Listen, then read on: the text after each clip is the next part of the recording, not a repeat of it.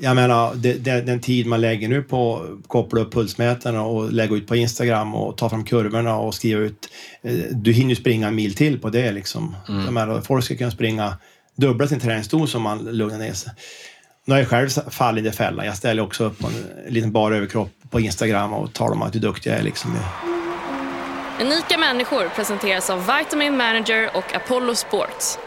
Vitamin Manager skräddarsyr dina dagliga vitaminer. På vitaminmanager.com kan du göra vårt hälsotest för att ta reda på vad du behöver eller välja din dagliga mix själv. Med rabattkoden UNIK får du första månaden utan kostnad och efterföljande för endast 195 kronor. Välkommen!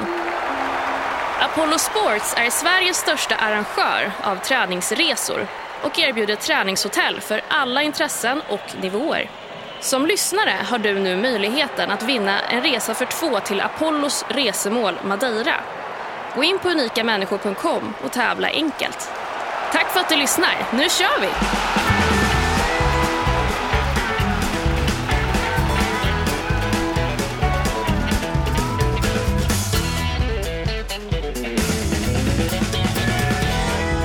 Okej, gästen i dagens program heter LG Skog och för er som inte känner till han så kan jag bara dra en liten kort recap så LG du får flika in här ifall det här är sant. Men eh, jag vill börja med dina idrotts, idrottsliga meriter och då, då har jag bara plockat ut de fina eh, som jag tycker är, är mest imponerad som jag är mest imponerad av och det är faktiskt eh, 5000 på 14.33, 10 000 på 29.57, halvmaraton på 1.07.43.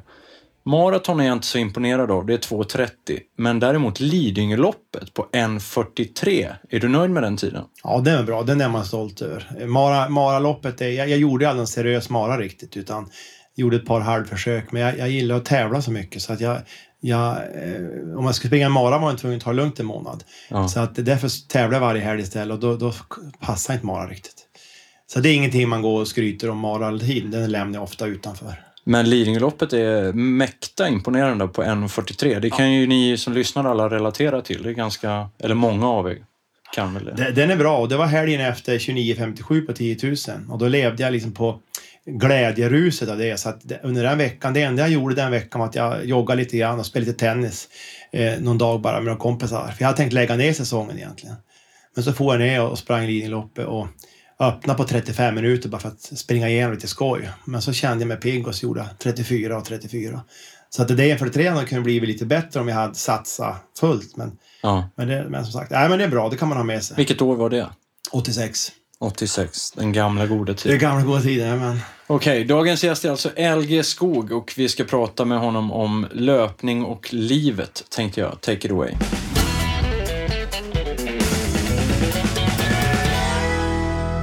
Okej LG, om vi ska backa bandet då till eh, när du var ung och började med idrott. Hur, hur, hur och var bekom det, bekom det sig? eh, jag har ju en, en pappa som var väldigt intresserad som åkte skidor och, och, och sprang och så. så att, men jag var inte superpeppad just på skidor och löpning utan jag eh, gillade bollsporter. Så jag spelade Mm. lite fotboll och lite hockey och sånt där. Då. Sprang för liksom husbehov då. Mm. Eh, trodde jag skulle bli fotbollsspelare men, men jag var duktig fram till eh, junioråldern. Eh, då kom jag med till Halmstadläger och sånt där. Men sen stannade min talang av. De andra blev bättre men inte jag och då blev jag, började springa lite grann istället. Och så, och så. Hur mycket är lite grann liksom? Alltså, Nej, men då sprang jag kanske fyra, fem mil i veckan. ja. Och eh, försökte lära mig saker. Man gick lite kurser och man läste amerikanska Runners World på den tiden. Mm, mm. Eh, lärde sig lite grann och testade sig fram. Så år ett minns jag, då sprang jag bara distans. År två sprang jag bara intervall. Mm. Och så år tre då började jag laborera. Då, då, då började jag springa lite fortare. Vad är vi i årtal nu? Ja, då är man väl eh, 78, 79, 79, 80 där. Mm, mm. Så att... Eh, Och när eh, började du kalla dig själv elitlöpare?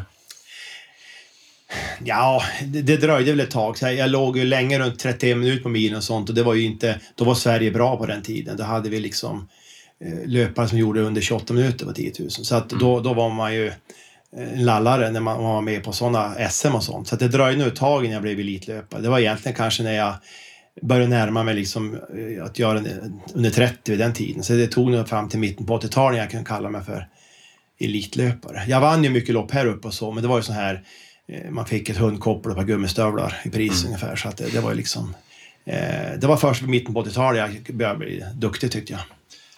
Eh, och när LG säger här uppe så är det så att vi är i Umeå och eh, det här är också din hemort. Inte riktigt hemort va? För du, du är inte riktigt härifrån. Nej, jag är än, ännu längre upp. Vilhelmina hette det min pappa är. Där bodde jag Just det. i många år. Så att säga. Hur kom det sig att det blev Umeå då? Ja, föräldrarna skilde sig och jag följde med min mamma hit ner och Mm. eh, pappa bor kvar så att Just han är fortfarande kvar där uppe. Ja. Så att, eh, Ehm, och löpningen då, den hängde med hela livet och gör fortfarande än idag. ja, det blev så. Jag, jag började märka att jag hade hyfsat lätt för att springa. Första åren då åkte jag skidskytte på vintrarna. Jag jobbade som militär på den tiden.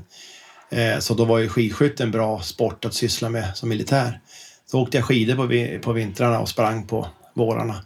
Men sen när jag började bli lite duktigare då fick man ett sånt sponsorkontrakt och sånt och då var man tvungen att hålla sig, eh, alltså löpformen var, måste man hålla bra året om. Så då la jag av skidskyttet och började springa även vinterlopp och så. så att, eh, men jag har aldrig varit någon sån här eh, mängdlöpare. Eh, löpare. alltså, jag, alltså, jag har ju sprungit, jag var alltid frisk, jag var alltid skadefri. Jag kunde träna varje dag så att säga. Men det var aldrig så här, jag, jag tränade en 8-9 mil i veckan liksom.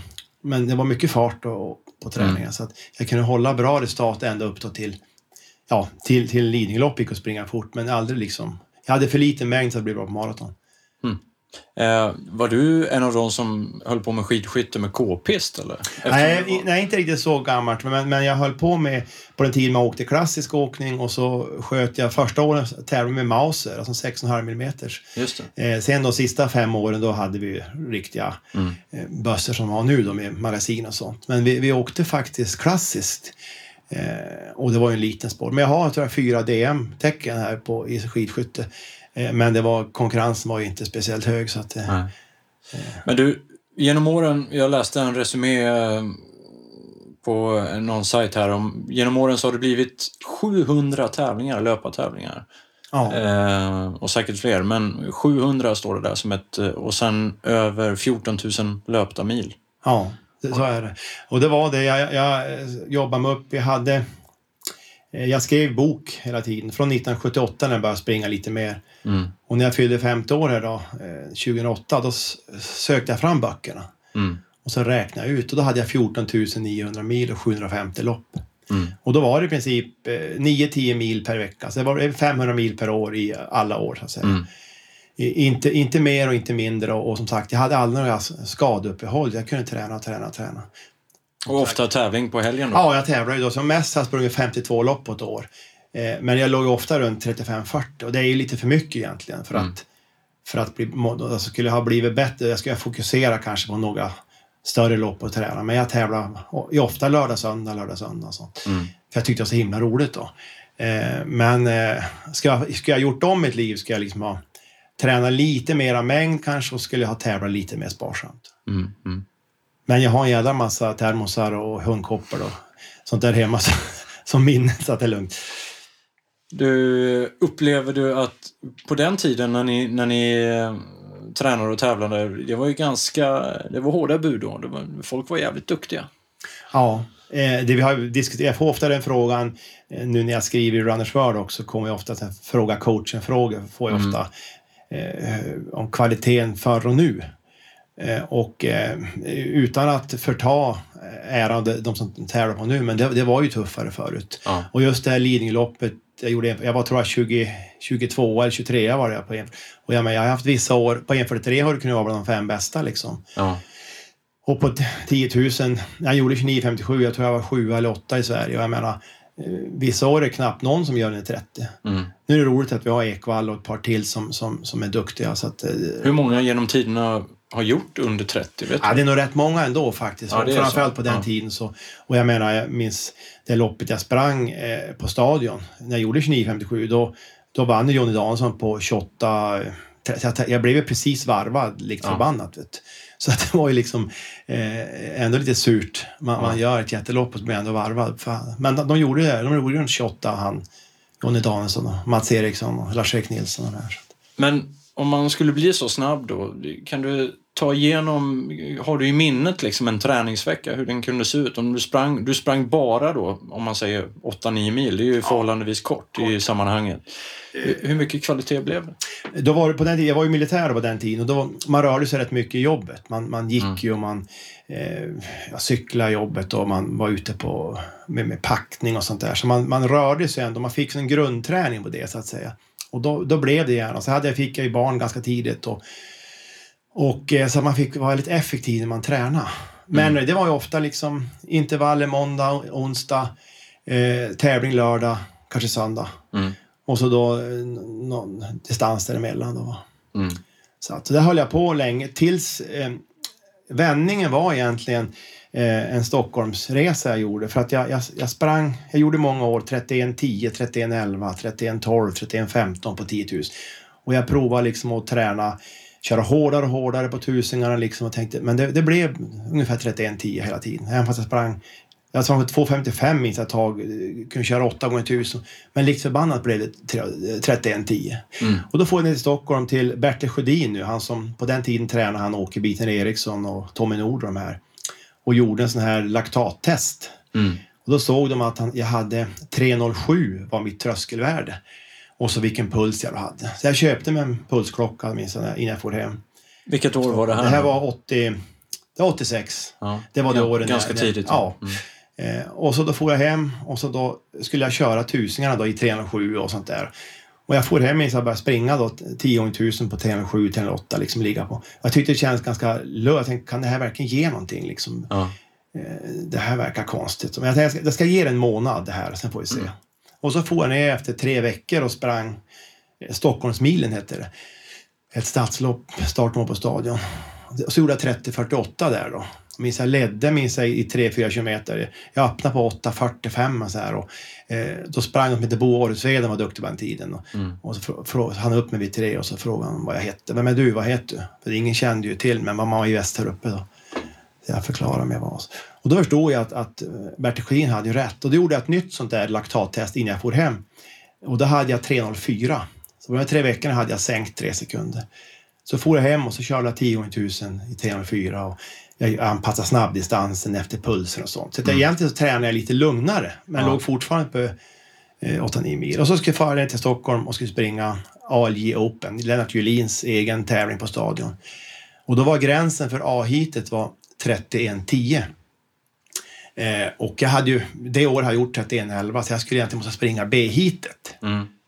Jag tänkte, fan, jag, jag har åkt så långt. Jag var uppe fråga. Jag har åkt ända från Umeå vet du, jag försöker tävla. Kan jag inte få komma? Att vi blir 21 stycken? Nej, vi har gränser, sa han. Mm. Men till slut lyckades jag. Han tyckte synd om mig, så jag fick hoppa in som 21 och, och sämsta man då i ja. A-heatet. Och det var då det, var det, det loppet där och gjorde 29.57. Så att det, var, det var härligt att... Vad, vad var det då, skulle du säga i efterhand? Alltså den träningen, vad skulle man beskriva den som? Är det, är det laktatträning då? Alltså är det... Finns det någon term för den ja, där? Alltså det kan man nästan säga, någon form av en kort tröskelträning. Alltså det ja. jag egentligen gjorde var jag körde, fortsatte att köra tusingar som jag brukar göra ja. och jag körde snabbdistans. Eh, nu, nu, är väl, nu är tröskelträning rätt populärt. Det kan man säga, det blir en form av tröskelträning fast lite mer subtröskel. Alltså ja, tröskelträning, nu snackar man ofta om man ska ligga i halvmarafart. Mm. Men jag låg liksom och tränade i min milfart. Och tidigare kanske hade du kört nästan lite överfart? Överfart, ja. ja. Exakt. Så, det, så hade jag inte var, och gjort de här testerna, då har jag fortsatt och gjort 31-10, 31-11 varenda ja. år tills jag lagt av. Så det var, det var ett superlyft. Hur vanligt på den tiden, här, du nämner pulsmätare och laktattester och så här, det, det, var ganska nya fenomen eller? Jag köpte den första som fanns på löpla. Den var stor, det var, den var som en tv-skärm nästan. Du fick ha nästan ett stödhjul på armen ja. för att kunna använda en klumpig stor pulsklocka. Trådlöst? Nej. Nej, det var, jo det var det. Det var det. men, det, det var det men den var, och det var ju en Polar men den var jättestor skärm på liksom. Ja jag köpte. Och dyr var den. Jag minns det gick på 4 000 kronor då. Det var ju ja. fan, det var ju vad man hade i månadslön nästan på den tiden. Så att, eh, och, eh, och det var väldigt, jag var först av det här. Men när jag gjorde andra eh, tröskeltester ner och, och sänkte mitt personrekord så mycket, det var mycket skriverier hemma ja. då var det fler i klubben så, och då köpte vi in en bärbar tröskel, eh, som man mätte, alltså tröskelmätare. Laktatmätare. Laktatmätare som, som eh, vi köpte in. Som en, hade vi en sjuksköterska i klubben som och då började fler, fler och fler och alla nästan i klubben sprang lite för fort. Just det. Så att efter det här så fick ju många ett lyft liksom mm. eh, tävlingsmässigt. Mm. Och sen då efter det här, sen då liksom på början på 90-talet då, då skrevs det rätt mycket om tröskel, laktattester och sånt. Mm. Och, så, och Marius Backen, en norrman som blev väldigt duktig på han, hade, han, han var ju den som bedrev det längst. Så, att säga. Så, att, eh, så det var intressant faktiskt. Du, tror du man kan bli elitlöpare idag utan pulsmätare och laktatmätare? Jo, det tror jag absolut. Jag menar, jag, eh, jodå, hade jag liksom eh, hade jag bara kanske eh, fått höra att jag sprang lite för fort på något sätt, då hade jag nog eh, kunnat sänka farten ändå och inte, utan pulsmätare. Men det var en aha-upplevelse att få, liksom, mm. få testa, så att säga. Men det tror jag absolut. Det var ju liksom... Eh, nu är det, har det gått till överdrift nästan. Nu, nu liksom, eh, ja, det var lite dit jag ville komma om det... Ja, ja. Liksom... Jag menar, det, det, den tid man lägger nu på att koppla upp pulsmätarna och lägga ut på Instagram och ta fram kurvorna och skriva ut.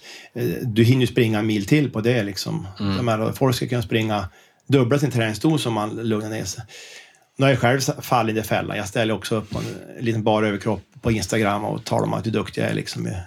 Ja, men, men, du har ju ändå legitimitet för det. Ja, du har ju passerat. Ja. Liksom. Nej, men jag tror absolut man kan bli mycket bra och som sagt på den tiden var det ingen som höll på med Eh, och, och, eh, jag vet, jag tränar en del med Mats Eriksson här och då, han var inte någon sån tekniknörd utan han, han, han tränar ju bra, bra, klokt och så vilar han däremellan. Och så, så att, eh. Jag tänker så här, vad fasen gjorde ni mellan passen liksom, när ni inte la upp på Instagram och och liksom, ni måste ha haft otroligt mycket tid. Läste du mycket böcker? Eller? Ja, men jag jobbar ju heltid och hade småbarn. Så att, ja.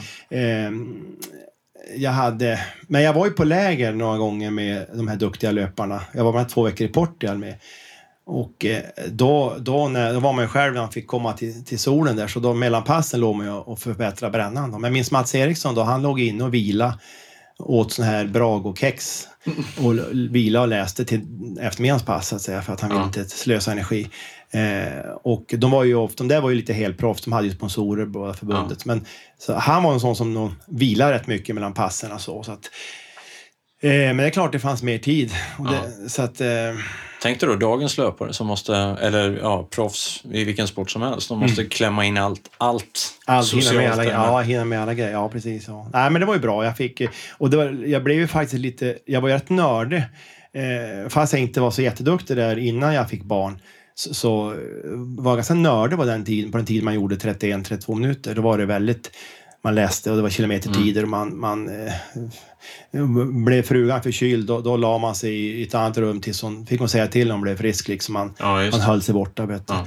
Sen när man fick barn, då hade man liksom andra värderingar och då, då, då tog man det lite coolare och då blev, då fick man, då blev man duktig och började springa ja. helt enkelt. Så det var, det var nyttigt tror jag.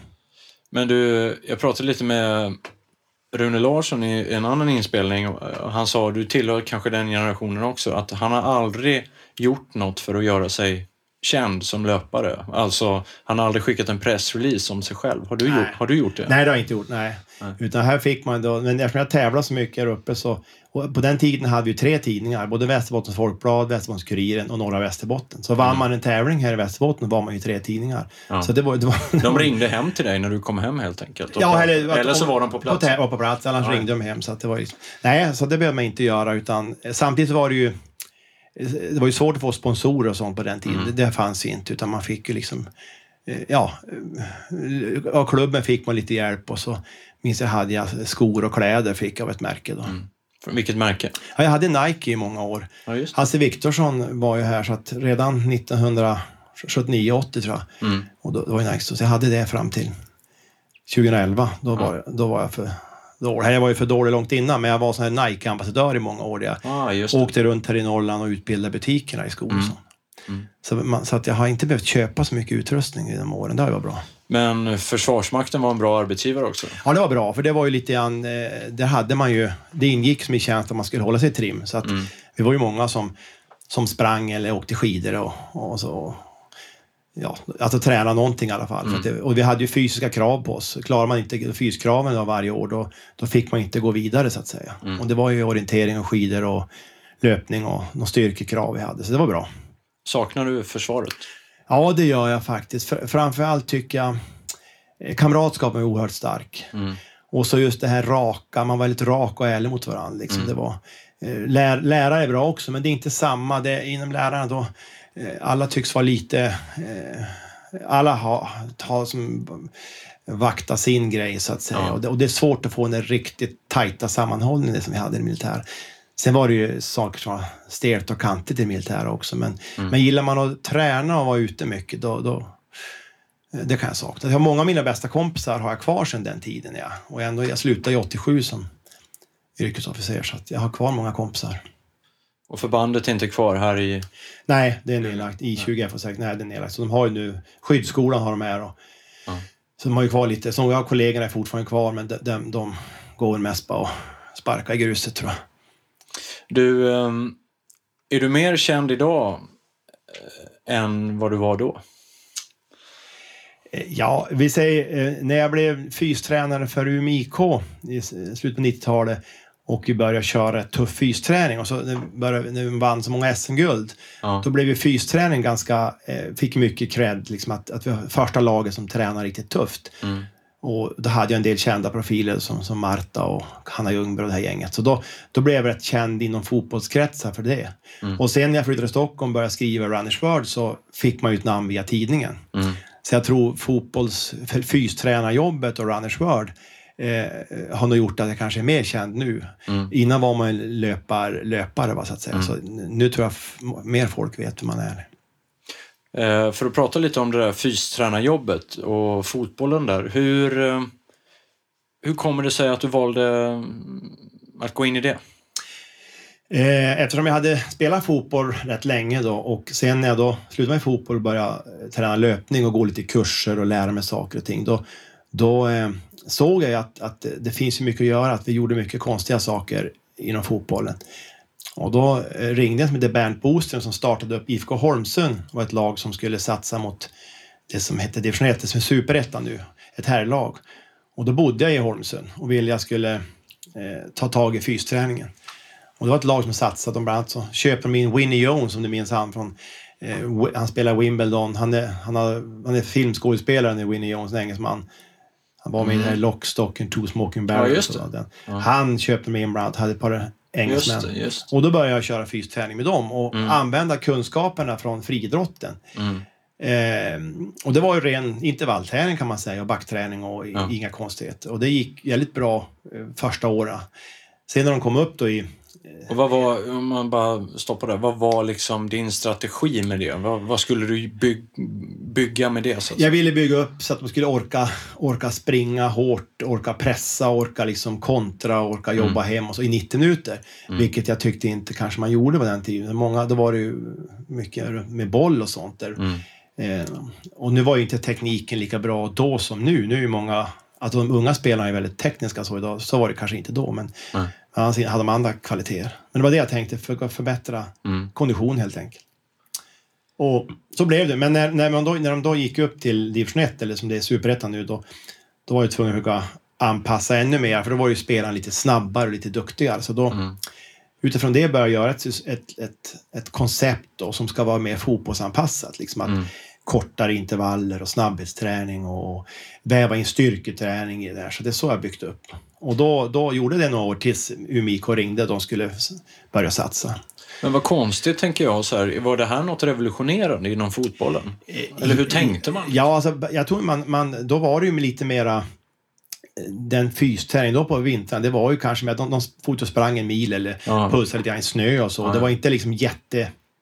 Eh, och då, vi hade ju dåligt med hallar och sånt på den tiden så att eh, det var ju, de skulle eh, träna på vinter. Det var en gympa, gympasal de fick Ja. träna i eller springa ut och då var Mm. det lite mer. Sen fanns det säkert lag som tränade hyfsat klokt också, men jag tror vi, vi styrde upp det ganska bra. Och sen var det Umeå FC. Ja, då blev det först Umeå FCs herrar då, tog jag 92 där. Då hade jag varit i Holmsund några år. Så gick de i konkurs, Holmsund.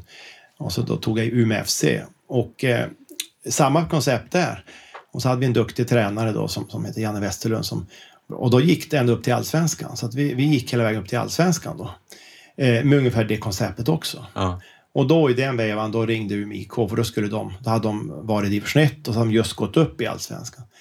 Och damfotbollen på den tiden, eh, de hade ju ingenting sånt här, så det var ju väldigt... Eh, Mm. så jag kommer ihåg första passen på vintern, men skulle, då, då, då, vi sprang ute och vi hade ingen hall från början.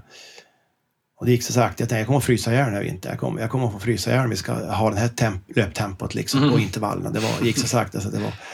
Men vi byggde upp successivt liksom och de var jävligt peppade och det var ju, det var ju Hanna Ljungberg och Frida Östberg och Malin Moström och såna här spelare som hade bra karaktär och gillade det här. Och vi hade en tränare hette Rickard Holmen som tyvärr körde ihjäl sig för två år sedan som gillar det här att driva på träningen så att säga. Men sen, och, och sen kom Marta in i... Kom Martin lite senare. Det blev ett par SM-guld innan hon kom också. Eh, Och eh, Rickard Holm ökade träningsdosen, började träna dubbla pass fotboll också vissa dagar. Så Ja. och andra lagen i Sverige tittade snett och gjorde nästan narr av, av Umeå att de tränar. Ni har inget liv, ni bara tränar och tränar. Så. Men, Och så vann ni sex, sju raka. ja, det blev sju SM-guld på väldigt kort tid. Liksom Ja. då. Och, och då klart, Marta låg ju bakom mycket. Så. Men vad, märkte du någon eh, skillnad på hennes sätt, hennes fysik jämfört med eh, ja, svenskarnas? Ja, eh, Marta, det är ju ett eget kapitel. Jag vet inte hur mycket vi ska lägga tid på det, men eh, hon var ju värvad via liksom, eh, kan säga, videovärvning och hörsägen. För de hade ju ingen liga i Brasilien på den tiden, utan att de hade ju sett henne på något junior-VM och eh, någon video. Mm. Och så hon kom ju hit och kom hit mitt i vintern. När vi egentligen hade gjort klart alla fystester och sånt. Jag hade konditionstest och styrketest och så kom hon hit och, och eh, jag gjorde en liten enkel löptest med hon bara för att liksom se. Hon var ju Mm. inte, ja, hon rätt kvick var men inte så jättebra kondition och, och så var hon väldigt svag muskulärt liksom. Mm. Och hon gillade inte fysträning heller så att det var ett jädra... Eh, jag fick tjata och jag fick jaga och jag fick hålla på jättemycket för att få henne att, att träna. Men som sagt, successivt blev det ju bättre. Hon var ju oerhört talangfull med boll och sånt och var Ja. ju kvick. Så att eh, eh, jag la mycket tid på vintern med honom först och eh, från början när serien startade där, då, många visste ju om henne. Och spelade väldigt tufft och hårt mot dem för att liksom, eh, Ja. smälla på henne. Så hon var ju grinig och var lite jobbigt för henne i början. Hon tyckte inte det var roligt. Och eh, hon gjorde inte så mycket mål i början heller. Så att, men sen då efter ett tag när det började lossna lite grann så så, så hon, hon hade hunnit ikapp någorlunda träningsmässigt. Sen, sen blev hon ju väldigt bra. En av världens bästa. Ja, hon var ju faktiskt tio år i rad så var hon ett eller två i världen. Då, så att, Mm. Och nu, jag har ju haft henne, hade ju henne i två år i Tyresö också och nu är ju hon ett föredöme i brasilianska landslaget också. Hon, har, ju- hon hjälper ju landslagstjejerna att ha koll på det där och så. så att, Mm. Hon var ju oerhört talangfull så hon blev ju bäst på att springa och hon var ju rätt stark i kroppen också. Mm. Eh, hon gjorde väl så 11 chins och över 20 dips gjorde hon liksom. Och, Mm. eh, tog bra mycket i benböj också i den här lilla kroppen. Så att, eh, hon, hon, men det tog ett tag innan jag påminna när vi träffades. Kom du ihåg vad du var? Vad tjurig du var liksom i, i, i, i början där. Va? Ja. Men eh, jag tänker på det damfotbollen. Det, det kändes som du var med under en era där damfotbollen fick sitt erkännande också. Ja, så var det. Skulle jag säga. Ja, Alltså, men så, så var det. Så var det. Det var liksom... Jag menar från att gå i, i skuggan till att faktiskt sätta sig i, i finrummet. Så var det. Jag kom till 97 till Umeå IK och 2000 kom i första guldet. Sen var det då var det sju guld på nio år där, plus sju Champions League-finaler och två vinster och sånt. Och det var ju jätte... och, och, men då började andra lag träna bra, så det var fler. Djurgården, eh, Linköping, Göteborg, eh, Rosengård, Malmö. Alla började träna bra liksom. Så att hela damfotbollen höjdes av det där och spelarna blev professionella och eh, ekonomin blev bättre, publiksiffrorna blev bättre. Det gick bra för landslaget. Ja. Så att det, det, var, det var faktiskt kul. Så jag hoppas nu att det kan bli ett, eh, att det går bra i, i OS för dem nu också. För nu har det varit ändå ganska mycket negativa skriverier om landslaget och, Ja. och det har gått halvtungt. Så att jag hoppas nu Pia har fått ordning på dem att spelarna verkar peppa. Så jag har mycket kontakt med många av spelarna fortfarande. Jag hjälper många av spelarna i landslaget med program fortfarande. Mm. Som vi körde på den tiden. Så att jag hoppas verkligen det blir bra. För att publiksiffrorna har ju gått ner om man säger i Allsvenskan. Och, och det skrivs ju inte lika mycket som det gjorde förut. Och klart, de har inte varit nog bra helt enkelt, landslaget heller. Mm.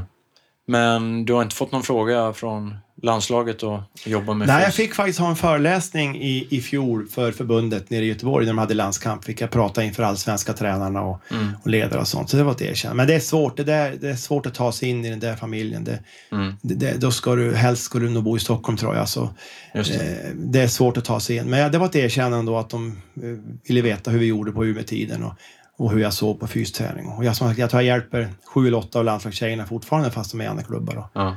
Men eh, det, det tror jag är svårt att ta sig in där. Vem är Sveriges bästa damfotbollsspelare idag? Eh, svenskfödd eller som är i Allsvenskan just nu? Ja, allsvenskan just nu. Ja.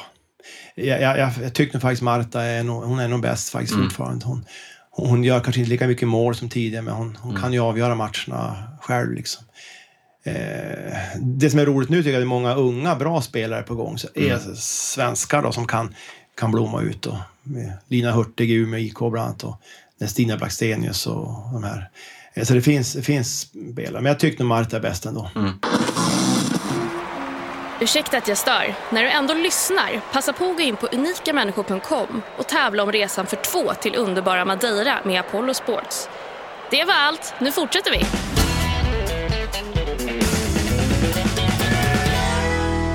Okej, vi lämnar fotbollen lite. Vi kommer återkomma till den eh, då vi ska prata lite där om Liverpool. Jag fattar ingenting, men vi ska prata lite om det sen.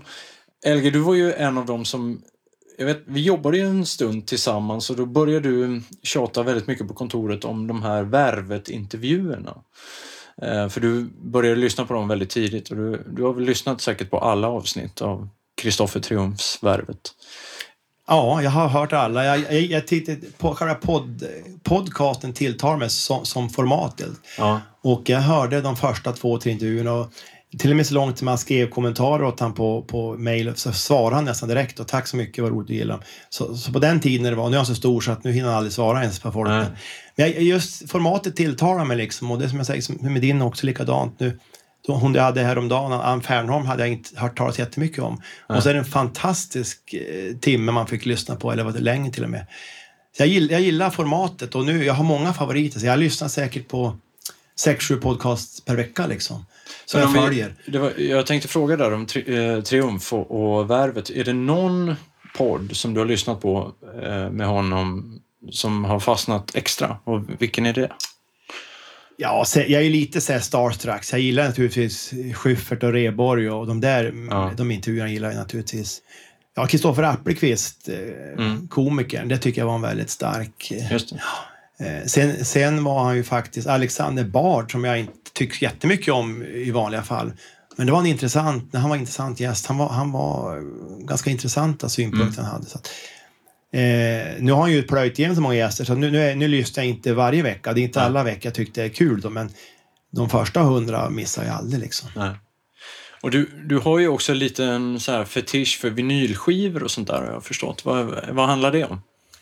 Dels är det samlandet naturligtvis. Jag tycker det är kul att samla på någonting och liksom Mm. koll. Sen är det ju själva musiklyssnandet. Jag är väldigt omusikalisk själv. Jag har försökt lära mig spela instrument men har ingen talang för det. Och då, men jag är väldigt bra på att lyssna på musik och känna igen och jag läser mycket om musik och så. så att, men på den tiden jag var militär och då gjorde jag så att jag tog alltid ledigt första måndagen varje månad tog jag, tog jag semester.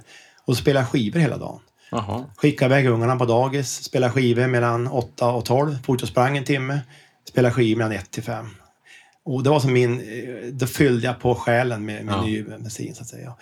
Så att det är det. Sen sålde jag, när barnen var eh, små så var jag tvungen att sälja alla skivor för att vi hade inte plats. Vi hade så, bodde trångt liksom. Pengar eller plats? Eh, ja, plats var väl kanske mest plats. Alltså. Sen har jag börjat om, samla om igen och så. så när Var det, var det alster där du sålde som du ångrar? Ja, ja. fruktansvärt. Ja. Ja, Eh, Jag har ju varit sömnlös många nätter efter det här och eh, rannsaka både mig själv och frun och alla möjliga grejer för just det där. Då. Men Ja. nu lyckas jag faktiskt köpa igen många av dem. Jag träffade den, en av samlarna som... Alltså. Jag hjälpte han med träning faktiskt. Ja. Eh, Han och hans fru med träningsprogram. Och som tack då så fick jag plocka igen. Jag tog igen 200 plattor med en samling. 200. Det var en dyr eh, coaching. Så, så att det var liksom, ja nej men så att det, och nu, och sen sålde jag alla, eh, jag sålde 3 500 CD-skivor när jag flyttade till Stockholm. För då hade, annars kan man måste köpa en fyra i Liljeholm istället för en trea. Det var ju en miljon till då. Så att Då sålde jag för att få plats. Ja. Men nu har jag börjat om igen. Så nu, nu har jag en fin vinylsamling framför allt. Jag har 3000 vinyl. Där jag kan stoppa in handen var jag vill i hyllan. Och allt jag tar ut kan jag spela utan att skämmas. Mm. Det finns ingen liksom Lena Philipsson eller något sånt där. Det, det liksom, allt jag tar fram kan jag spela. Mm. Men eh, vad, vad är mest otippat, tror du, för lyssnare eller folk eller kompisar som du, som du liksom som du har i hyllan? Ja, vad svårt alltså. För jag, är jag gillar ju faktiskt, det är lite vilket humör jag är på. Mm, alltså allt från hårdrock till, till... Jag har väl liksom... Det som inte går, jag har programmerat min skivspelare också, att jag kan inte spela dansband och inte blåsjazz. Nej, det. Då slår strömmen ifrån. Så det, det funkar inte. Så att, men, nej, men otippat, jag vet inte. Eh, jag, jag har nog bara bra grejer alltså. Ja. Så jag, jag kan känna mig stolt. Var hittar man vinyl nu för tiden? Ja, vi har ju en fin affär här i Umeå som heter Burmansmusiken, gamla Anrik. Där handlar Ja. jag mycket. Och när jag är i Stockholm är jag alltid på Pet Sounds i fyra timmar. och Ja, just handlar. Ja, och så lite grann på nätet och sånt så att säga. Och, men, men jag handlar väl kanske 80 procent på Burmans. Mm. Häftigt. Ja. Eh, på tal om Umeå, bara kort, vad, vad får man inte missa när man är i Umeå? Ja, det, det är ju en vacker stad på så sätt i och med att med älven som flyter igenom och eh, du bör besöka Iksu, själva träningsanläggningen Iksu bör du Mm. besöka. Det tycker jag. Och sen har vi en fantastisk kvartersrestaurang eh, i det område jag bor som heter Restaurang Maria som en liten kvartersrestaurang som, som gör fantastisk mat. Än Mm. vad du beställer är fantastiskt. Eh, sen har vi ju, har vi ju hundratusentals mil med, med terrängspår här. Du kan ju liksom springa terräng i flera veckor och ändå inte testa alla spår som ligger rätt centralt i stan. Just det. Eh, så att ja, och så gå in på Burmans och kolla på lite vinylskivor. Åtminstone för skivomslagets skull. Ja, ja. rama in och sätta på väggen om du inte vill spela dem. Det kanske skulle bli något att förklara för min son vad en vinylspelare Vinylskiva, ja just, Ja. just det. Men du lyssnar alltså inte på Spotify? Jodå, när, jag trä, när jag tränar har jag Spotify eller, Ja. eller podcast. Mm. Och så har jag en sån här eh, Bow Wilkins eh, docka nere i, iPod-docka nere i, på nedervåningen. Så att när jag är på nedervåningen spelar jag från Spotify. Ja. Ja. och det, det tycker jag är bra liksom. Men du, vi hoppar tillbaks lite till det här med din träning och löpning och sådär. Eh, när man har varit så duktig som du har varit och sprungit så snabbt, går det någonsin att träna för skojs skull och träna för att må bra efter det? Det är en bra fråga. Jag, jag har inte kommit dit riktigt än. Jag minns jag sa, jag sa när jag skulle varva ner och inte tävla så mycket. Så jag sa att jag kommer, 35 minuter på milen kommer man göra till man dör. Alltså sämre än så springer man aldrig. Nej. Det var jag helt övertygad om. Och jag minns när jag var 49 år så sprang jag kommun-SM och gjorde 32.10 på milen. Jag tänkte, när jag blir 50 då ska jag träna lite extra. Ja. Eh, och så kanske jag gör ännu bättre. Då kan man liksom vara med och slå seniorerna. Liksom. Men då, då gjorde jag illa mitt knä och fick operera mig och så tränade jag upp mig till 35 minuter igen när jag var 51 och så körde kul och gjorde illa andra knät med rullskidor. Och sen har jag aldrig kommit igång efter det. Utan då, sen har jag haft ont i knät, eh, ett eller två knän sen dess. Mm. Så nu har jag ju som passerat, men jag har inte än kunnat förlika mig med att det går för sakta. Mm. Så jag kör ju fortfarande intervaller och kollar på klockan. Eller jag har runder, försöker springa. Men nu går det alltså, och nu går det så uselt så att nu liksom... Eh, ja, alltså vissa dagar då påverkar det humöret, alltså, när, även när jag kom hem. Eh, Så att jag har än inte liksom förlikat med det, utan nu har jag hittat yoga tycker jag är trevligt. Det känns att jag har mått bra av både i knät och kroppen. Så att, eh, då, det kan man ju träna för att liksom bara det är skönt och bra. Då. Och så på fredagarna brukar jag träna då har jag inget prestationskrav. Då gör jag bara för att rensa huvudet in, i, efter veckan och inför helgen. Då. Ja. Men jag önskar att det kommer en dag där jag kan känna att nu far jag ut bara för det är roligt eller skönt. Dit har jag inte kommit riktigt. Jag vill gärna ha klockan. Men hur, jag tänker så här, dagens när du, när du skriver i Runners World och när du svarar på frågor från motionärer och sådär. Det, eh, det måste vara svårt att leva med den eh, liksom, tanken när, när du ser men det här är ju vanliga människor som bara vill kanske gå ner lite i vikt eller de vill liksom... Och sen, ja, förstår du vad jag menar? Ja, jag förstår det, precis. Det är liksom, ja, visst är det så. Det, det tog en stund att, eh, eh, att förlika sig med det också. Att liksom, eh, jag fått sätta mig in i hur de, hur de känner och de krav de hade. Och jag kommer ihåg, jag skrev, det var, det var första veckorna jag var på Runners World. Där skrev jag, och då ringde King Magazine. Jag skulle skriva en artikel om eh, springa milen. ja, Och då gjorde jag något träningsprogram skrev, gjorde en tabell att gör man milen eh, på 40 är man löpare, gör man milen på 50 är man motionär, gör man milen på 60 är man en lallare. Ja. Olika tabeller. Och så, ja, du får inte bli en lallare vad de skrev då. Och då tänkte jag använda delar av den texten i Rush Word. Men då, då kom ju Pernilla Lodin och klöste mig i ryggen och jag höll på att få sparken därför att, att jag skrev lallare. Så Ja. den artikeln ströks, så jag fick skriva en ny. Ja. Ehm, och jag har ju förstått, så jag menar att liksom 60 minuter, det, det krävs ju ändå lite träning för att göra det. Så att det har jag fått ändra om lite grann. Och, och nu har jag många, jag har ju många folk som jag hjälper som eh, Ja, några ligger ju runt, den tiden på milen Ja. och, och 50 och 55 och sånt. Så att, eh, det får man anpassa, så använder man ungefär samma tränings... Men om man kommer till dig då så säger jag men jag vill ha lite hjälp med träningen. Jag, jag ska springa milen på 55. Liksom. Eh, och man kanske är 15 kilo över sin normalvikt, vad man borde väga och så vidare. Vad, eh, kan du, kan du, du kan hjälpa dem? Du kan hjälpa... Ja, ja. ja. Eh, jag har, I fjol hade jag 16 stycken som jag hjälpte då via runt om i Sverige. Från, allt ifrån milen upp till maraton och någon ultra hade jag också. Fem via det här Essex-utmaningen som var i tidningen och så elva övriga. Och eh, det var bland, och det är ganska utmanande för att, att det ska inte vara kul att ha bara 35 minuters löpare hela tiden. Utan Nej. det är kul att ha hela spektrat och mm, olika bakgrund och just, eh, jag hade ett par sådana just med vikten. Att, att, och för dem så gick kanske första 8-9 veckorna åt gick ju åt att bara lite förbränning och få ner vikten gjorde att deras löptider blev bättre. Så trodde Ja. de att jag var en superlegend, att de blev så bra bara för att de gick ner i vikt. Ja. Men det var utvecklande faktiskt att, att lära sig anpassa eh, träningsläran även till, till alla nivåer. Då. Men just millöpa, det är enkelt. Det, det går inte att misslyckas med att förbättra. För det, det är så lätt liksom att eh, träna i rätt tempo och sånt. Just När det blir maraton och längre grejer, då, då, då är det annat som spelar in. Så då, att uppfylla mål då är inte lika lätt genom att, när med energibrist och allt sånt. Men jag har alla möjliga faktiskt med hjälp. LG, jag ser på dina armar att du har några tatueringar. Vad kan du presentera? Ja, jag har mina barn. Barns namn och födelseår har jag där. Jag har Amnesty International. Jag har ett Sankt Petersburg-kors här som är inspirerad av Peppe Lindholm, en av löparna, ledaren. Har jag Just. Sen är det naturligtvis Liverpool, You Never Walk Alone, Ja. Har jag med. Kan du berätta lite om det? Var, varför detta Liverpool-intresse? Ja, det är mitt favoritlag sedan eh, 1978 har jag följt dem från klassiskt, från Tips Extra Mm. och hela vägen fram. Så att, eh, Varför just dem? Varför inte Atletico Madrid? Ja, men då, då var inte de så jättebra på den tiden. Och Liverpool stod för mycket det här. De hade stark karaktär, var fin moral, de stod för någonting. Klubben stod för någonting liksom som man kunde eh, stå bak. Norrländskt, lite så här arbetarklassgäng som man kunde stå för. Då. Så det, det var mycket. Och så var de ju bra på den tiden. Då. Mm. Så jag och en kompis från Västerås, vi åker, åker till Liverpool en gång per år och ser match. Och Mm. står med halsduken och vifta och går på pubbarna innan och sånt. Så att, och så följer de slaviskt, följer jag ju Liverpool, eh, alla matcher man kan se. Jag har ju, Hur går det för dem då?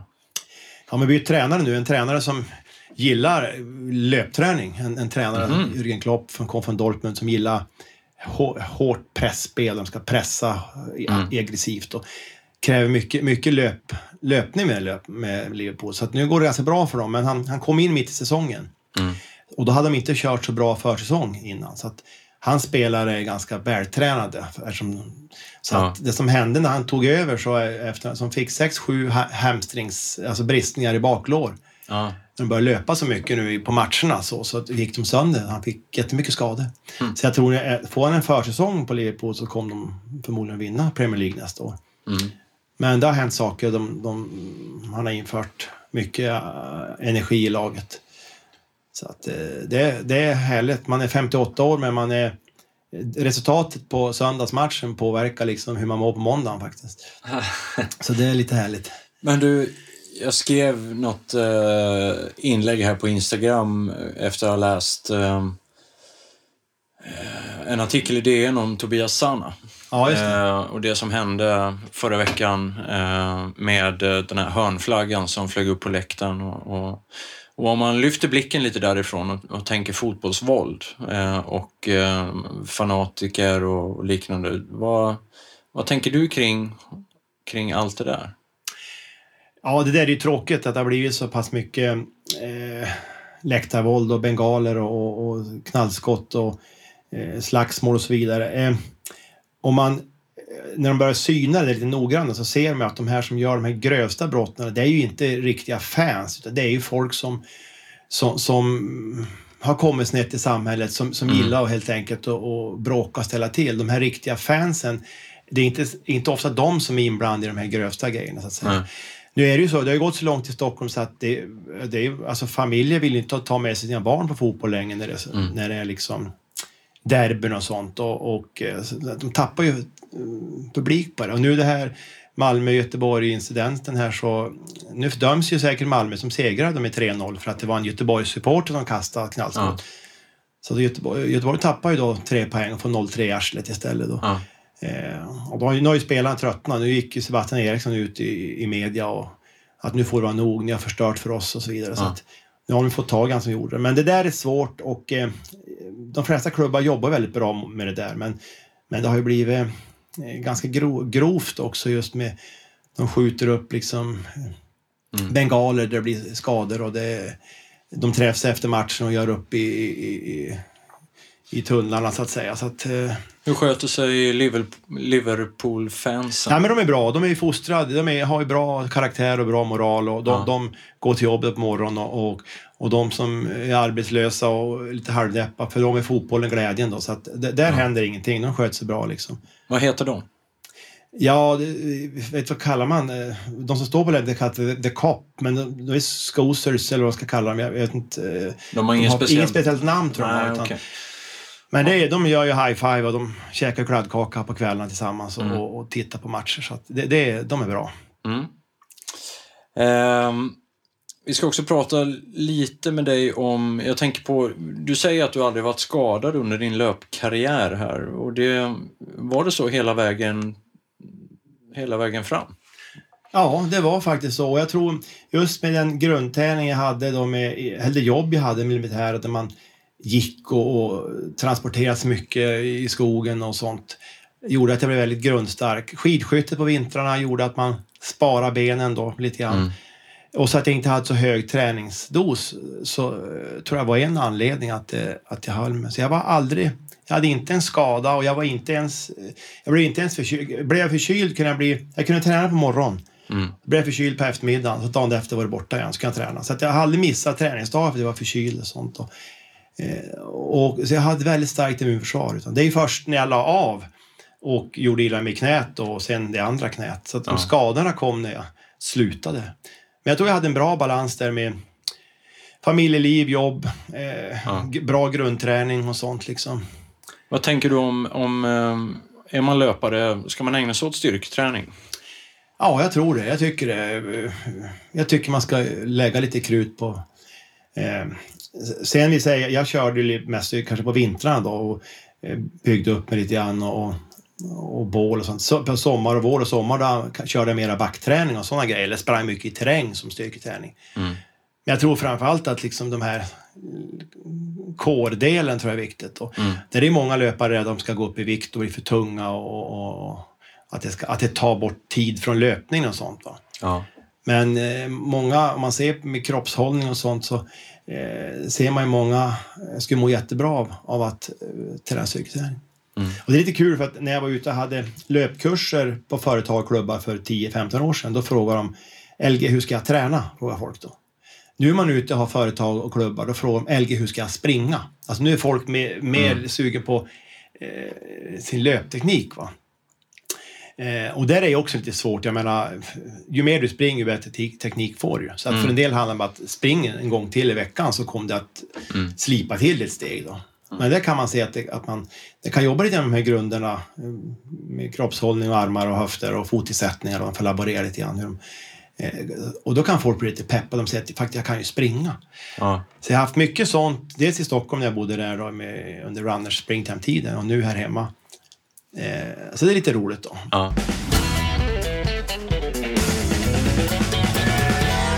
Jag vet att när du testade att bo i Stockholm så du drabbades också av en, mystisk kronisk huvudvärk. Ja. Är, är, var det Stockholmslivet, tror du? Man kan Som tro norrlänning flytta Ja, man ner? kan tro det. Ja, nej, det var, det var en enskild incident. Jag, jag, jag körde chins på Sats på, på Horn- Hornstull. Och det hände någonting under chins-grejen där som gjorde att jag fick en, en minnesförlust. Jag, jag kvicknade till 45 minuter senare i, i ett omklädningsrum. Och Oj. fick hamna på Södersjukhuset där. Och, Ja. och, eh, och efter det där fick jag huvudvärk. Ja, nästan varje dag hade jag. Ibland hade jag hela dygnet sträckt. Och de trodde det var hjärnblödning och alla möjliga grejer. Så jag gjorde hur många tester som helst jag var inlagd. De hittade aldrig riktigt vad det var. Alltså. Så, att, eh, Mm. så då, en anledning att flytta hem var att jag tänkte det kanske att jag, som du säger, får lite lugnare liv. Flytta hem till Umeå det är lite lugnare. Ja. Men det blev ingen skillnad. Nej. Men då träffade jag en kille som var duktig på nackar då, som gick Ja. igenom min nacke och hittade att jag hade eh, grejer i nacken som inte var bra. Ja. Och då halverades eh, huvudet. Så var jag nere på typ två, två tre dagar i veckan huvudvärk bara. Och det var ju ingenting mot för innan då. Nej. Och eh, till och med jag gått så långt till eleverna på skolan, de, de kunde se när jag kom på morgonen, hade huvudvärk, och såg de, fan har Helge inte ont i huvudet. Då var de lite extra snäll istället. Och så att Ja. tog lite. Men sen då bara för något halvår sedan så upptäckte de att jag hade för högt blodtryck. Mhm. Och sånt hade jag aldrig testat för det, var ju som, det är ju emot min image att ha högt blodtryck. Det händer Det ju är bara inte. gamla människor som... Ja, ja, det är bara gamla usla. Ja, visst. Men då testade de det och så upptäckte de, och då fick jag blodtrycksmedicin då. Och det sved ju min image fruktansvärt. Ja. Men när jag började ta den, då när jag fick den blodtrycket, då, då minskade huvudvärken. Så att nu har jag, ja, inte, ja, kanske max en gång i veckan, i knappt det ens. Nej. Så Ganska att, det- skönt ändå. Ja, det är fantastiskt. Det är Ja. bra. Men jag äter ju blodtrycksmedicin. Och Ja. kolesteroltabletter äter jag. Ja. Så att det, det känns Men sådär. du, du, och kosten, har du verkligen testat och lagt om den då? Nej? Inte, inte, jätte, inte superstrikt. Jag provade en period att, att eh, äta vegetariskt. Och det gick rätt bra ett tag då, men jag fick en blodvärden och sånt. Men jag, inte, jag har inte den karaktären riktigt. Jag äter lite för mycket ryggbiff, jag gillar lösviktsgodis för mycket tyvärr. Mm. Eh, jag har gjort några sådana här driver där, för nu har man blivit lite lönnfet också de sista åren här. Och ibland tar man tag i det för att kunna... Jag gör ju alltid en test på söndagsmorgnar. Jag ställer mig i spegeln och kollar om jag ser bra ut naken som Mm. Koltingsbok här då. Ja, just det. Och då har jag haft några perioder här där jag har fått säga, svara nej på den frågan. Man har sett Mm. halvtaskig ut. Och, och då skärper man ju till sig med kosten och så. så att, Ja. Men jag äter ju rätt bra i grunden, men jag äter för mycket sötsaker och jag har inte liksom provat eh, superstrikt med typ mm, med laktos eller LCHF. Eller, Nej. så att man blir lite sugen man hörde på Fernholm-avsnittet där att, att det finns en del att göra. Men jag, jag vet inte om jag har karaktären riktigt att Livet är för kort. att jag nu är 58 år vet du, så, så det känns som att ah, Men jag tänker på det, kost och löpning, det är inte riktigt synonym ehm, till varandra. Eh, när du var elit och sprang snabbt, tänkte du på vad du äter? Ja, eh, jag provade ett tag. Jag fick alltid höra att jag var för tung. Nu väger jag 82 och på den tiden vägde jag 72. Ja. Eh, jag är 1,82 lång så att enligt formerna var jag för tung även då. 72 var ju för mycket. Alltså, de var ju, och då minns jag då eh, tyckte många löpare att du måste gå ner i vikt. Du, du, är för, du är för kraftig som löpare. Så då provade jag en period att späka ner mig lite grann. Mm. Här minns jag åt till lunch åt jag såna här djupfrysta grönsaker som man köper på. Som jag värmde upp och så åt jag ryvita, hette något finskt bröd. Ja. Åt jag varje lunch och gick ner till 67. Och Det gick, var späck. Gick, gick Ja. bra att springa några veckor. Tänkte det här funkar nog liksom. Jag minns man hade resårband i de här byx, mjukisbyxorna. Jag fick sprätta upp och så fick jag knyta åt resårband. Jag blir så tunn. Var du stolt då? Ja, du tänkte det här det här funkar nog tänkte jag. 67 då var jag 15 kilo under min längd. Det fanns en formel man ska vara 15 kilo under sin längd. Ja. Så 1,80 ska man väga 65 och jag är Ja. 82, 67 perfekt. Ja. Men sen då blev, fick jag problem. Jag, blev, eh, jag fick dåligt blodvärde, jag blev halvkrasslig, ont i halsen, såna grejer som jag aldrig haft förut. Nej. så då började jag äta som vanligt igen. Gick upp till ja, kanske 71 då. Och då gick det bra att springa. Så, så. Ja. så att jag provade en gång att späka ner men, men inte fick någon effekt av det. Så att, och. Men jag har alltid fått höra att jag är för tung. Jag kommer ihåg Bjarne Andersson, gamle skidlöparlegenden. Han tyckte att jag var för fet jämt. Han sa du är för fet, du är för fet. Så. Han sa jag bantar jämt, sa han. Jag har bantat hela livet, sa han. Ja. Och, och liksom, eh, men, men ja. Eh, och jag säger, jag menar, vissa är ju, om man ska gå efter formen, vissa kanske är 20 kilo under sin... Ja. Det finns någon med 82 som kanske väger 62 liksom. Mm. Men jag provade en gång och lyckades inte, så att sen har jag skippat det. Men eh, tror du att de som blir bäst i världen måste späcka sig ständigt? Nej, med, med de, jag, jag tror hade jag ökat min träningsdos, jag menar nu tränar jag 8-10 mil i veckan, de, eliten tränar ju 20 mil i veckan. Mm. Tränar man 20 mil i veckan då, då blir du rätt tunn. Mm. Eh, då, då liksom, springer du 3 mil varje dag så då... då, då så är man tunn, tunn från början? Blir, också, ja, lite så exakt. Ja. Så är många. Men då blir du ju rätt tunn och då kan du käka din ryggbiff Ja. Och, och, klippa en påse Polly om du skulle vilja. Jag tror det gör inte så mycket. Men så hade jag ökat min träningsdos, eh, 4-5 mil, så hade jag kanske gått ner till kanske 69 i alla fall då, automatiskt. Mm. Eh, men då tyckte jag att jag ändå gjorde rätt. Jag, jag, jag var inte skadad och sjuk och jag, så att, eh, ja.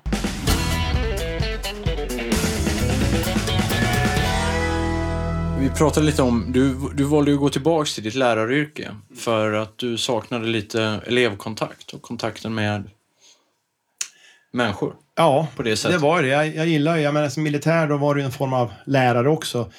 Eh, då gav du mera order, men ändå hade du träff, jobbat med människor varje år. Mm. Och sen blev jag lärare så uppskattade jag verkligen det här liksom eh, nya elevkullar varje år och hur man kunde få, jag jobbar på högstadiet då. Ja. Man kan forma dem liksom och Eh, du behöver inte fostra dem, men du kan forma dem lite grann och lära dem mm. saker. Och det märkte jag i Stockholm där. Eh, jag hade ett fantastiskt liv på Runners och Springtime. Och hade, men just, just den här elevkontakten mm. saknade jag. Och, och, ehm, så jag gjorde några projekt, vet jag, med jag var ute på Lidingö och hade en löpargrupp där och jag var på Aspuddens skola och hade lite löpargrejer där. Mm. Ibland i Runners regi. Och jag tyckte var roligt det var liksom. Ja. Och då växte det fram mer och mer och sen med huvudvärken gjorde att så när jag kom tillbaka så och, och, innan jag flyttade var jag spyless på skolan. Kommunala skolan var jag spyless på. Liksom. Ja. Det var trögt och tungjobbat och besparingar och alla var trötta och eh, massa skit. Men eh, sen upptäckte jag att skolan är rätt bra ändå. Och när jag kom hem så jag tyckte jag, jag blivit mycket bättre lärare. Jag har mer tålamod nu exempelvis. Ja. Så jag kan komma in i salen och vara lite cool. Och tidigare var jag lite mer drivande och sånt. Och ja. Jag tycker jag blivit jättebra lärare också sen jag gjorde det här uppehållet. Tror du att fler lärare skulle behöva ett sånt uppehåll? Ja, jag tror det. Ja. Eh, när jag flyttade minns jag så var ju många jätteledsna och det var liksom tung stämning och så på skolan minns jag. Men nu är det helt annat. Det, eh, det har kommit lite nytt och, och peppa. Sen är det ju slitigt. Det, det, det är ju, eh, jag menar, Skolverket gör det inte lätt för lärarna. Det är väldigt mycket administrativt. Mm hej, vi ska ju fylla i listor och hej möten och hej fan hans moster istället för att kunna få undervisa hela tiden. Ja. Så att, men jag tror många skulle må bra av att få ta ett break eh, och göra någonting annat och kanske se på distans till skolan. Så för mig var det jättebra. Men när man, när man har varit lärare under så många år, eller tidigare då, och sen ett break och kommit tillbaks. Men om, om du tittar på dina liksom första elever som du hade för 15-20 år sedan och så träffar du dem idag. Eh, händer det att ni, du träffar folk på stan? Ja, ja jag har, senast nu i helgen så har jag kontakt, det var en eh, klass som gick ut för tio år, tio år sedan som skulle ha en återträff. Mm.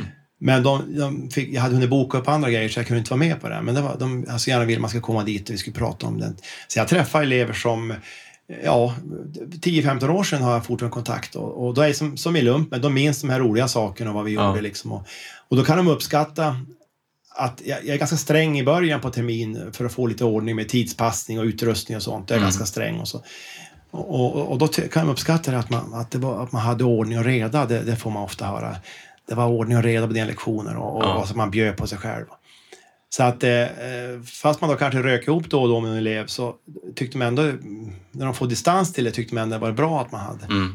Så det är kul att träffa elever och, och se hur det har gått för dem liksom. Och, eh, i livet. Så att jag tror skolan har en viktig roll där och just högstadiet där det händer mycket. Kan man få en, en, att få tre ganska bra år i högstadiet och hitta sin självbild och självkänsla och, och kunna ge, skicka med dem någonting ut i livet. Eh, och för min del kanske med fysiska och kanske lite grann eh, träning och hur man kan leva. Så, så, så tror jag det är mycket värt. Upplever du att ungdomarna idag, om du jämför med 15 år sedan eller längre tillbaks att det är en annan karaktär eller att det är, är, finns det en, liksom, är det stökigare idag? Ja, det tycker jag faktiskt. Det måste jag säga. Eh, och 10-15 år sedan kunde man också riv, riva i lite rejälare om, om mm. eleven gjorde någonting. Nu har de lärt sig ett nytt ord, kränkt. Ja, nu börjar du bara titta snett på en elev eller höja ögonbrynen, då är de ju kränkt. Och så springer de till kuratorn, eller springer hem till föräldrarna så de är kränkta och så ringer de till skolan att man är Får du ta sånt också? Så, sånt händer ibland att, att de känner sig kränkta och kränkta. Ja. Så då istället, och så är de ganska hårda mot lärare. Det kan vara ganska... Eh, språkbruket mot lärare kan ju vara ganska grovt som man aldrig Ja. ska, ska to- tolerera förut. Eh, och så jag brukar vända på det då, men tänk på, att ni kränker ju läraren också. Det du sa till läraren nyss, eh, hur tror du det kändes för den när du kallade honom för det och det? Ja, men det, det, ja, det köpte man inte riktigt. Men det kränkt, det, det hör jag. Så att, där får man vara lite tydlig hur, hur man ska ha det och så får man försöka se till att eh, stämma i bäcken lite grann. Att man, Mm. man, klarar, så här ska vi ha det i klassen och vi undviker det här och det här. Men det, det är lite, faktiskt är lite mer sånt. Med sociala medierna också gör att det, det, det blir mer situationer. De kan filma varandra kanske i ett omklädningsrum eller de kan lägga ut eh, bilder och så blir det, det kan också trigga igång saker som, så att det blir lite dålig stämning i en korridor som kan sen leda till någonting. Så att, eh, sånt fanns ju inte förut på samma Nej. sätt. Sen är ju eleverna väldigt ro- roliga att diskutera med. De är ganska öppna och roliga att ha att göra med på så sätt. Men det här just, det irriterar mig att kränkt. De känns ofta kränkta, tycker Ja. jag. Men är, jag tänker, jag var ju så idrottsperson så jag gillade ju alltid skolidrotten och, och hade givetvis bästa betyg i det, för det var det enda jag kunde. Inte riktigt, men nästan. Men jag tänker, är, märker du på eleverna att okej, det här är ju människor som idrottar även på fritiden. Det, här är, det måste finnas tydliga grupperingar även idag. Vi har extremt sånt på min skola. Jag har ju fotbollsprofil, så jag har ju tre fotbollsklasser då, som de går i. De tränar fotboll två gånger i veckan och idrott två gånger i veckan. De har, de har ju fyra gånger i veckan då. Ja. Och så har jag vanliga klasser som har idrott två gånger i veckan. Eh, så att jag har ju både, och det tycker jag är ganska skönt ibland att ha då de här vanliga klasserna som inte har idrott, eh, inte har fotboll. Eh, Då kan, får man lägga, kanske lägga sig lite lugnare nivå på dem och så kan man lyckas få dem att röra sig och hitta någonting som är skoj. Och så fotbollsklasserna kan man driva på lite mer för de är redan inne i det här. Då. Eh, Så de är egentligen självgående. Men, de här eleverna som bara får skolidrotten, som, som kanske inte har tid eller intre- intresse eller, eller har gör andra saker. Så att ena gången de rör på sig i skolan. Och då, då har jag gjort så. Jag har 15 olika moment som de får prova på under ett läsår. Allt ifrån dans till skidåkning. Och att de ska hitta då någon grej som de tycker är skoj. Och så att passet i sig ska vara lite så de får bli lite svettiga och trötta. Och så kanske att det ändå ska göra att de får med sig någonting. Va? Så det tycker jag är en lite rolig utmaning att ha. Eh, för att, och nu har vi då elevens val idrott och elevens val simning. Och de grupperna är också fulla. Så att jag har ganska Just. många elever som får idrott tre gånger i veckan i alla fall. Ja. Och så ganska många har fyra gånger. Så att våran skola är ganska bra på det där tycker jag. Vad tänker du om skolidrotten generellt? Eh, Ja, det är tråkigt. Det finns ju program i gymnasiet som har noll timmar i veckan. Alltså det, är- det är tragiskt. Och nya betygssystemet eh, från A till F är också eh, jättedåligt alltså. ja. Så att det, det, det är sådana skrivbordslösningar som förstör lite grann för, för alla ämnen, men idrotten tycker jag. Så att, det gäller att hitta saker. Nu har jag faktiskt provat att köra lite yoga med mina elever. Mm. Eh, eh, vi kör Mästarnas Mästare. Vi har försökt köra lite annorlunda grejer också Mm. för att locka igång dem. Och då såg jag nu, nu sk- skrev jag på Facebook och bloggen här, det var någon eh, skola nere i Skåne som hade kört yoga och föräldrarna hade klagat bort för att det var någon österländsk, pappan var präst och de hade klagat bort. De stod och flinade upp sig då i, i, Ja. i tidningen att de hade lyckats ta bort yogan från skolan liksom och för att det var österländskt. Och, eh, så- sånt där finns, sådana här föräldrar finns ju alltid va? men jag Ja. tror eh, kan man få eleverna att tycka rätt skoj och hitta grejer som även kan göra på fritiden, då tycker Ja. man har gått långt. Får du uppskattning för ditt eh, yrke, läraryrke, elever varje vecka? Jo, men det får jag säga kanske. Och det är väl kanske, kanske inte av kollegor så mycket. Nej. Eh, där, är, där är det lite mera... Eh, där är svårare. Men eh, cheferna, är- där, får man ju höra om man gör någonting bra. Mm. Och framförallt av eleverna ger ju Ja. bra feedback. Där, där får man ju mycket eh, feedback som, som liksom då är bra. Och både direkt feedback och, och liksom man kan få ett sms eller de kan skriva någonting på Facebook eller man har Ja. gjort någonting bra. Eh, många, och sånt kan man leva på ett tag så att Ja. säga. Eh, sen får man skit ibland också. Men, men kollegorna är lite svårare. Bland annat så har de infört det kallas för förstelärartjänster. Eh, ja, vad kan lite, men, men lite, liten karriärtjänst. Man ska få en liten, kanske vad heter lektor förut kanske. Det. har infört några sådana per skola man får söka då. Och nu fick jag en sån tjänst i oktober. Jätteglad blev jag, tyckte det var roligt.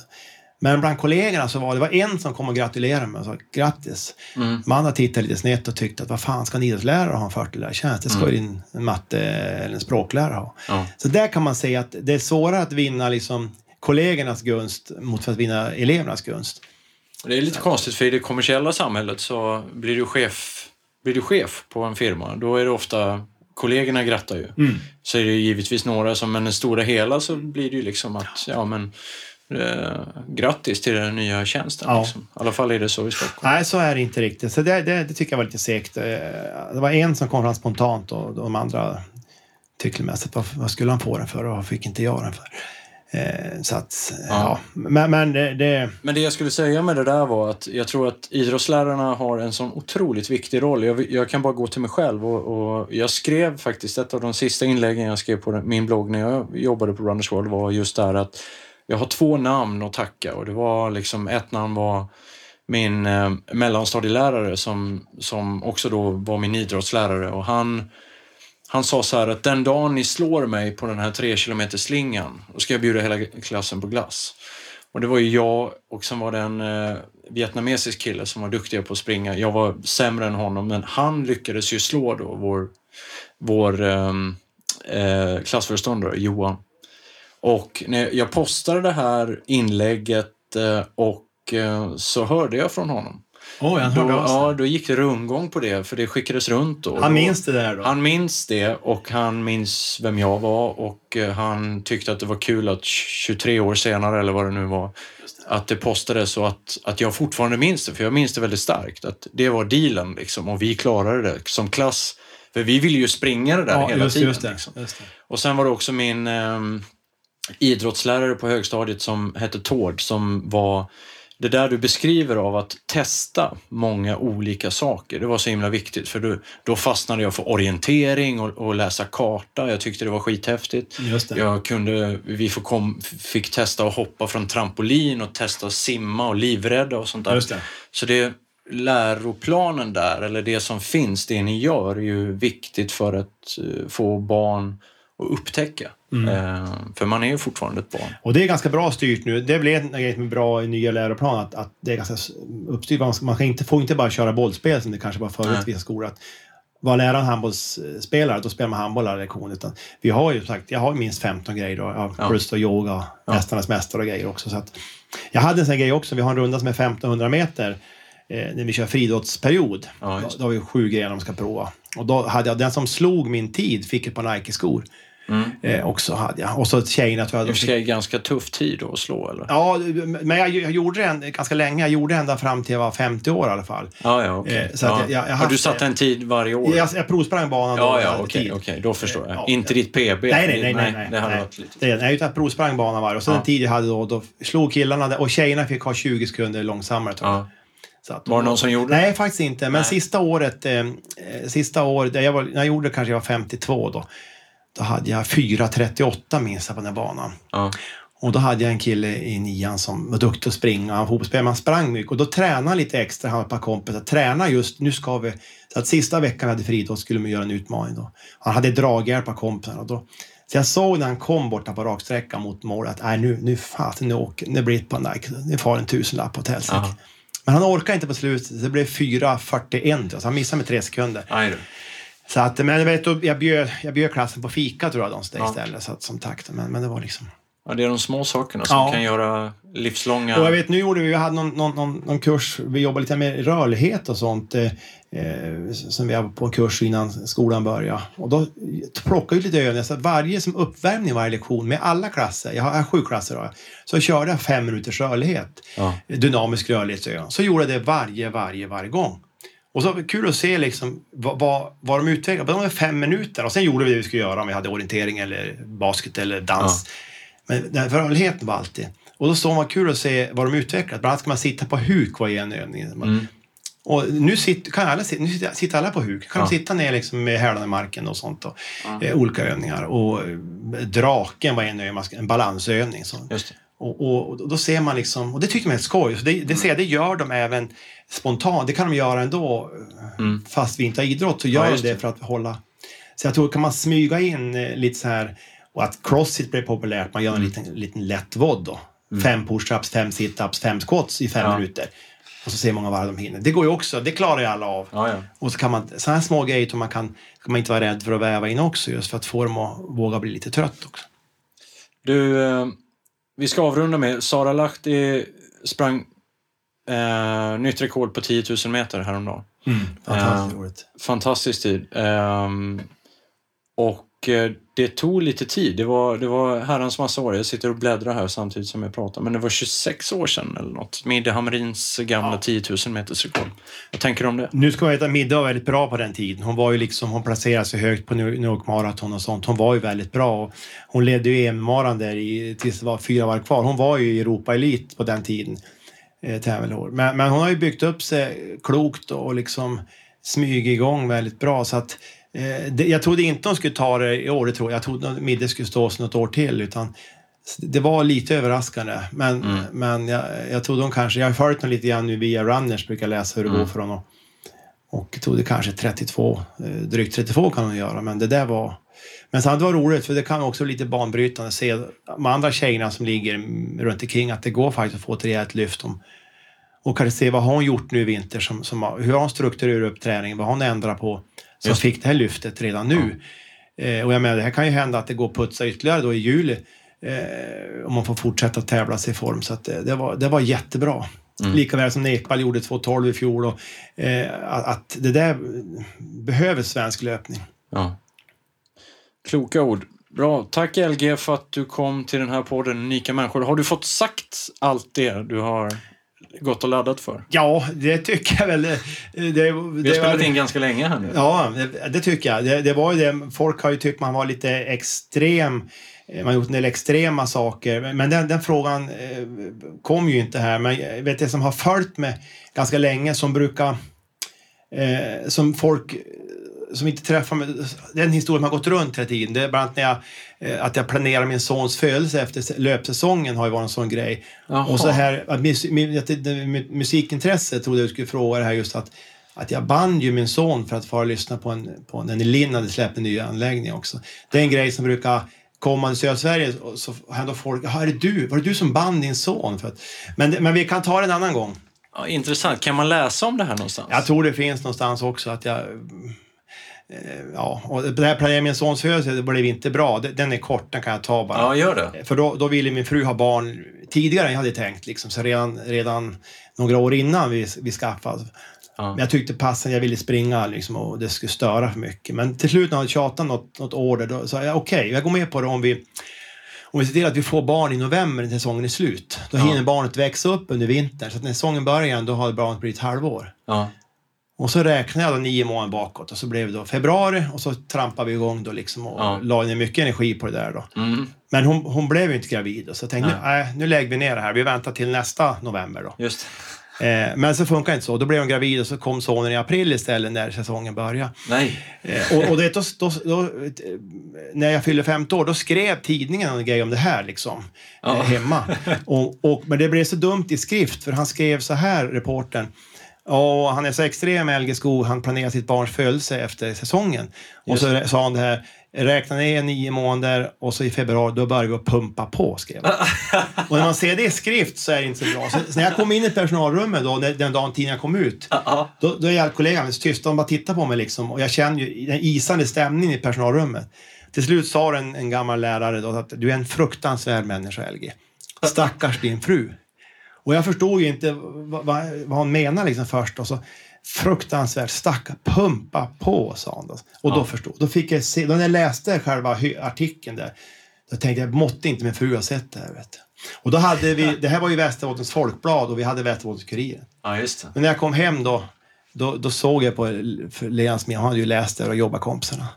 Så det var, det var inte roligt. Men då träffade vi reportern på helgen, min dotter spelade match då, så var han och skrev om matchen. Ja. Så gick jag fram till han eh, och så, så sa det här är han som skrev det. Så hon skällde ut han då att han, eh, att han hade, för det såg illa ut. När man satt och snackade så här, pumpa Ja. på var väl gränsfall, men när man ser det i skrift, ja, nej, jag kan hålla med om att där, ja det, var, nog gräns. över gränsen. Nej, så det gick inte att planera efter säsongen, så att det, det är liksom... Det var en ganska kul historia. Tack för ja, att du delade det. Ja, det tar jag. Precis. Tack så mycket. Det var trevligt att vara här och eh, eh ett fint sällskap. Jag, ja. jag sa jag är den minst kända gästen du har, men det var roligt att få, få fortsätta följa den här unika människan. Tack.